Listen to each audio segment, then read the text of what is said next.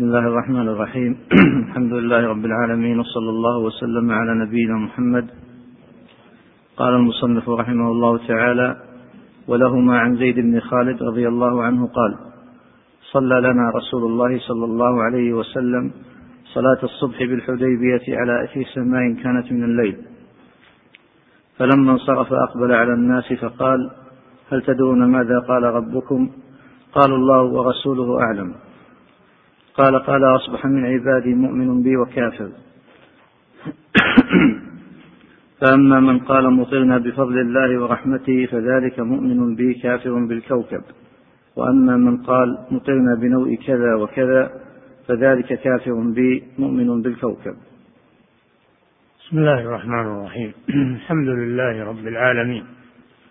صلى الله وسلم على نبينا محمد وعلى آله وأصحابه أجمعين. قال رحمه الله ولهما أي البخاري ومسلم في صحيحيهما. روايا عن زيد بن خالد الجهني رضي الله عنه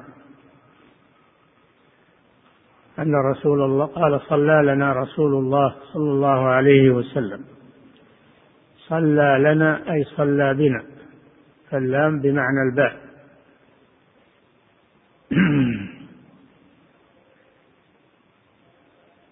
صلاة الصبح يعني الفجر. بالحديبية اسم موضع قريب من مكة.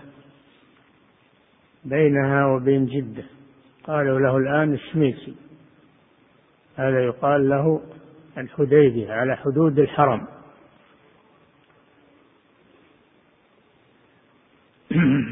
على إثر سماء أي بعد نزول مطر.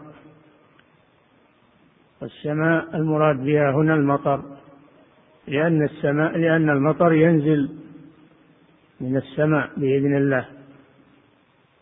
وأنزلنا من السماء ماء طهورا أي من جهة السماء. المراد بالسماء السحاب. كل ما علا وارتفع يقال له سماء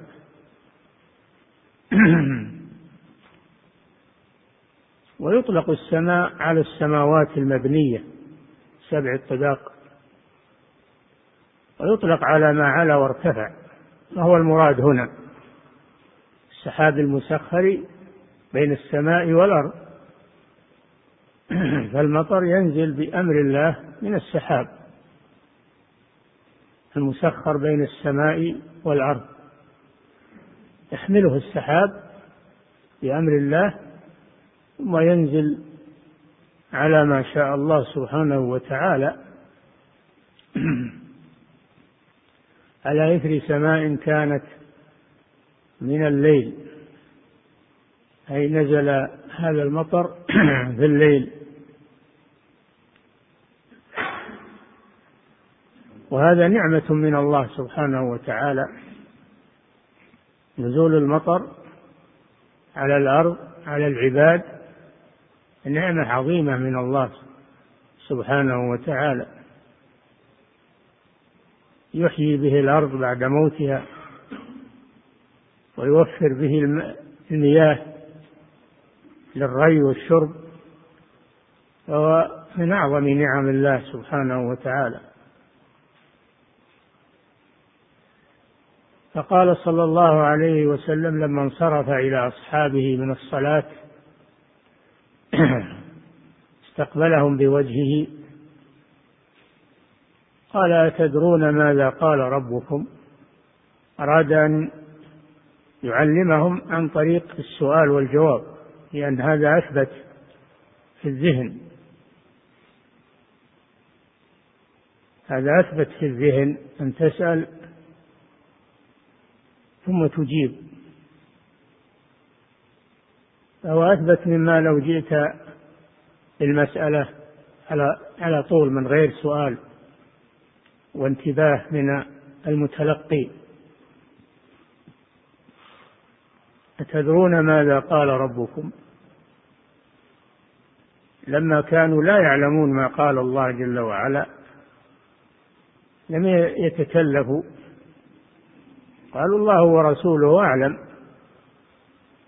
وهذا من أدب المتعلم أنه إذا لم يعلم المسألة أنه يتوقف ويرد العلم إلى عالمه.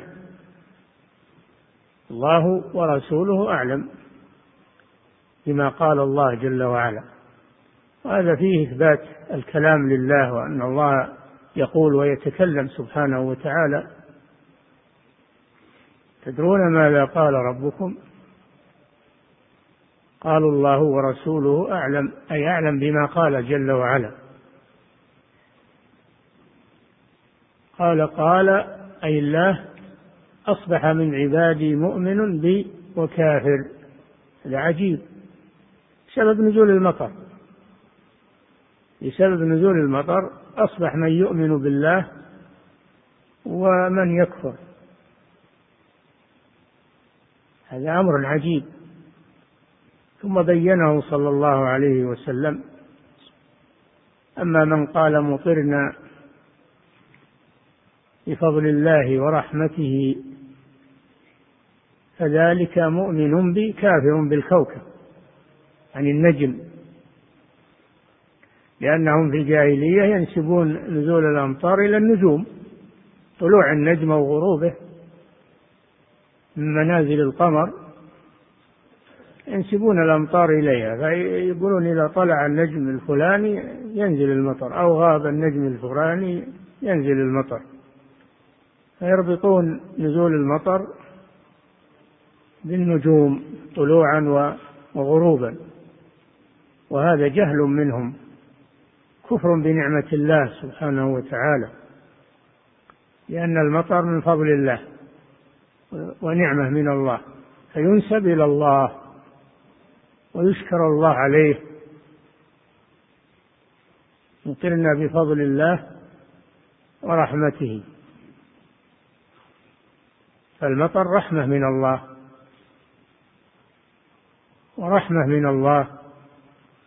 فينسب إلى الله ويشكر ويشكر الله عليه. هذا هو الإيمان. تنسب الأشياء إلى الله سبحانه وتعالى. لا تنسبها إلى غيره.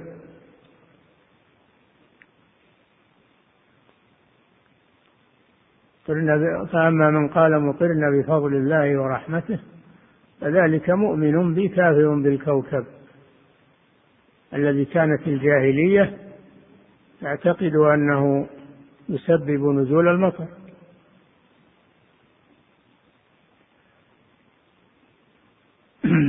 ومن قال مطرنا بنوء كذا وكذا أنه سبق لنا أنه النجم أو حساب حساب النجم. لأن كل نجم 28 نجم في السنة كل نجم له ثلاثة عشر يوم. يظنون أن هذه الأيام التي هي محسوبية النجم هي التي تنزل المطر جهلا منهم بالله عز وجل.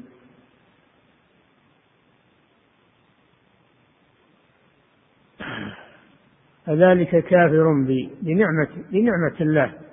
المراد بالكفر هنا الكفر الأصغر وهو كفر النعمة. مراد كفر النعمة لأن الكفر ينقسم إلى قسمين كفر أكبر يخرج من الملة وكفر أصغر لا يخرج من الملة. لكنه ينقص التوحيد. ينقص التوحيد نقصا ظاهرا. فذلك كافر بي أما من قال مطرنا بنوء كذا وكذا نوء الثريا نوء آه، نوء آه، طلوع النجوم نوء التويبع نوء كذا هذا هذا كفر بالله عز وجل. اللي يظن إن إن حساب النجوم هو الذي ينزل المطر؟ هذا كفر بنعمة الله عز وجل. فذلك كافر مؤمن بالكوكب. ضدان والسبب نسبة نزول المطر.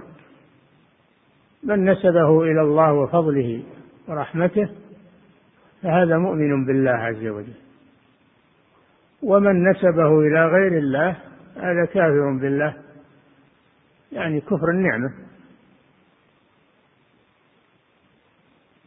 فهذا الحديث دليل على أن نسبة نزول الأمطار إلى النجوم وحسابها أنه كفر بالله عز وجل وشرك بالله عز وجل. يجب نسبة نزول الأمطار إلى الله. فالله هو الذي ينزلها وهو الذي يحبسها وهو الذي يصرفها وهو الذي يجعلها مباركة. تسبب الخيرات للناس. هذا كله بفضل الله سبحانه وتعالى. وهذا فيه رد على الذين يعتقدون أن نزول الأمطار أمر طبيعي وأنه يتبع المناخات أو ما أشبه ذلك. هذا أمر لا يجوز. المطر إنما الذي ينزله ويحبسه ويسوقه ويصرفه هو الله. ولذلك ينحبس عن أناس وعن بلاد وينزل في بلاد. ولو كان أمرا طبيعيا لصار الناس سواء في المطر لصارت الأرض كلها سواء.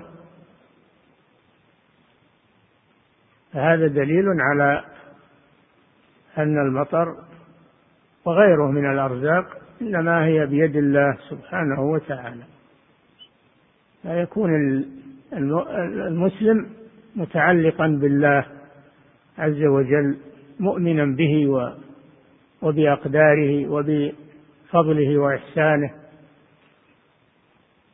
ولا يتعلق بالمخلوقات أو يظن أن هذه الحوادث أنها بسبب المخلوقات وأن المخلوقات هي التي تسببها.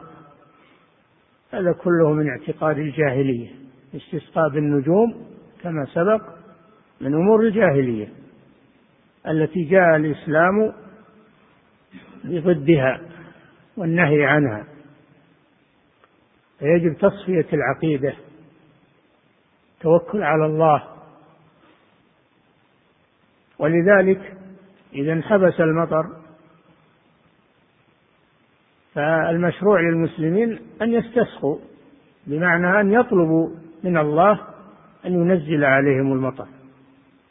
دل على أن المطر بيده سبحانه وتعالى يسأل ويدعى أن ينزله.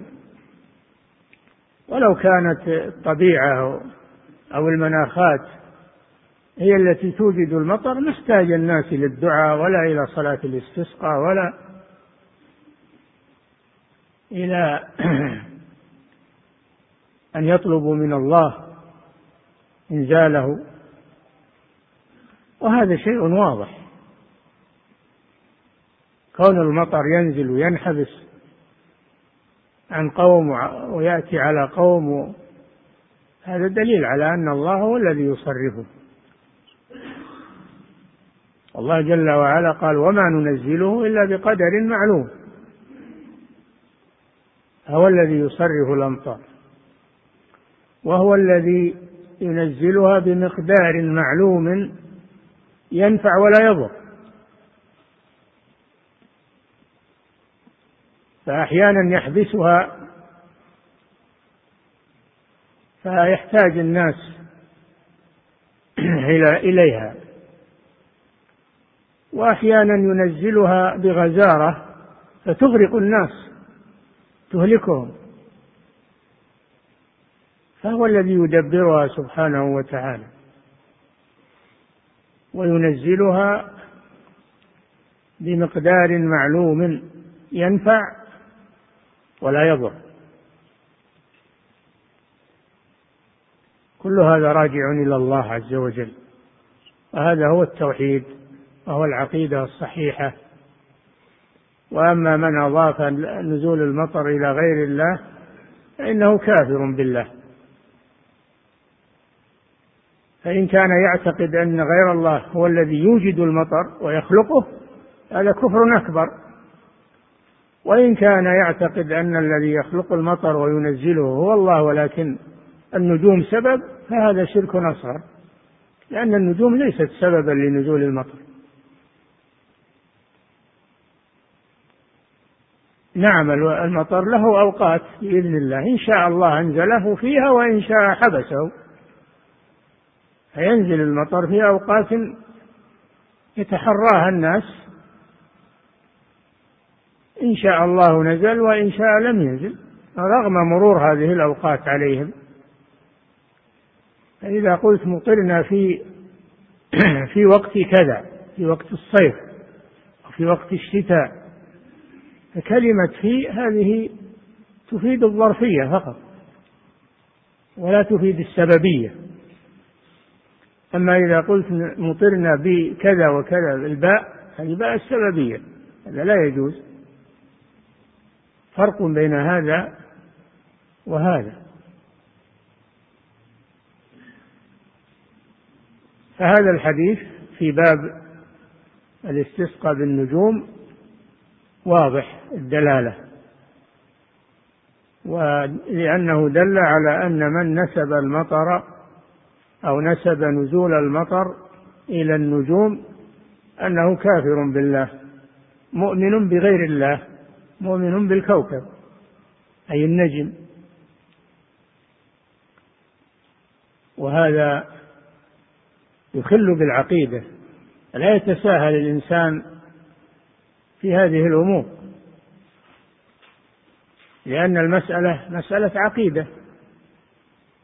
ربما يقول كلمة تخل بعقيدته أو تبطل عقيدته. وربما يقول كلمة طيبة تصحح عقيدته.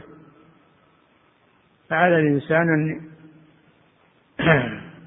أن يميز الكلام الطيب كلام التوحيد من الكلام السيء وكلام الشرك والكفر. ولا يتساهل في هذا الأمر.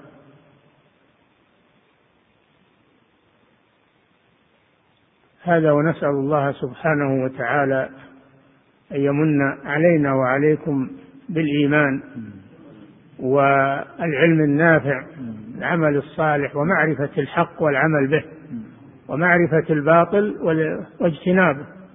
صلى الله وسلم على نبينا محمد وعلى آله وأصحابه أجمعين.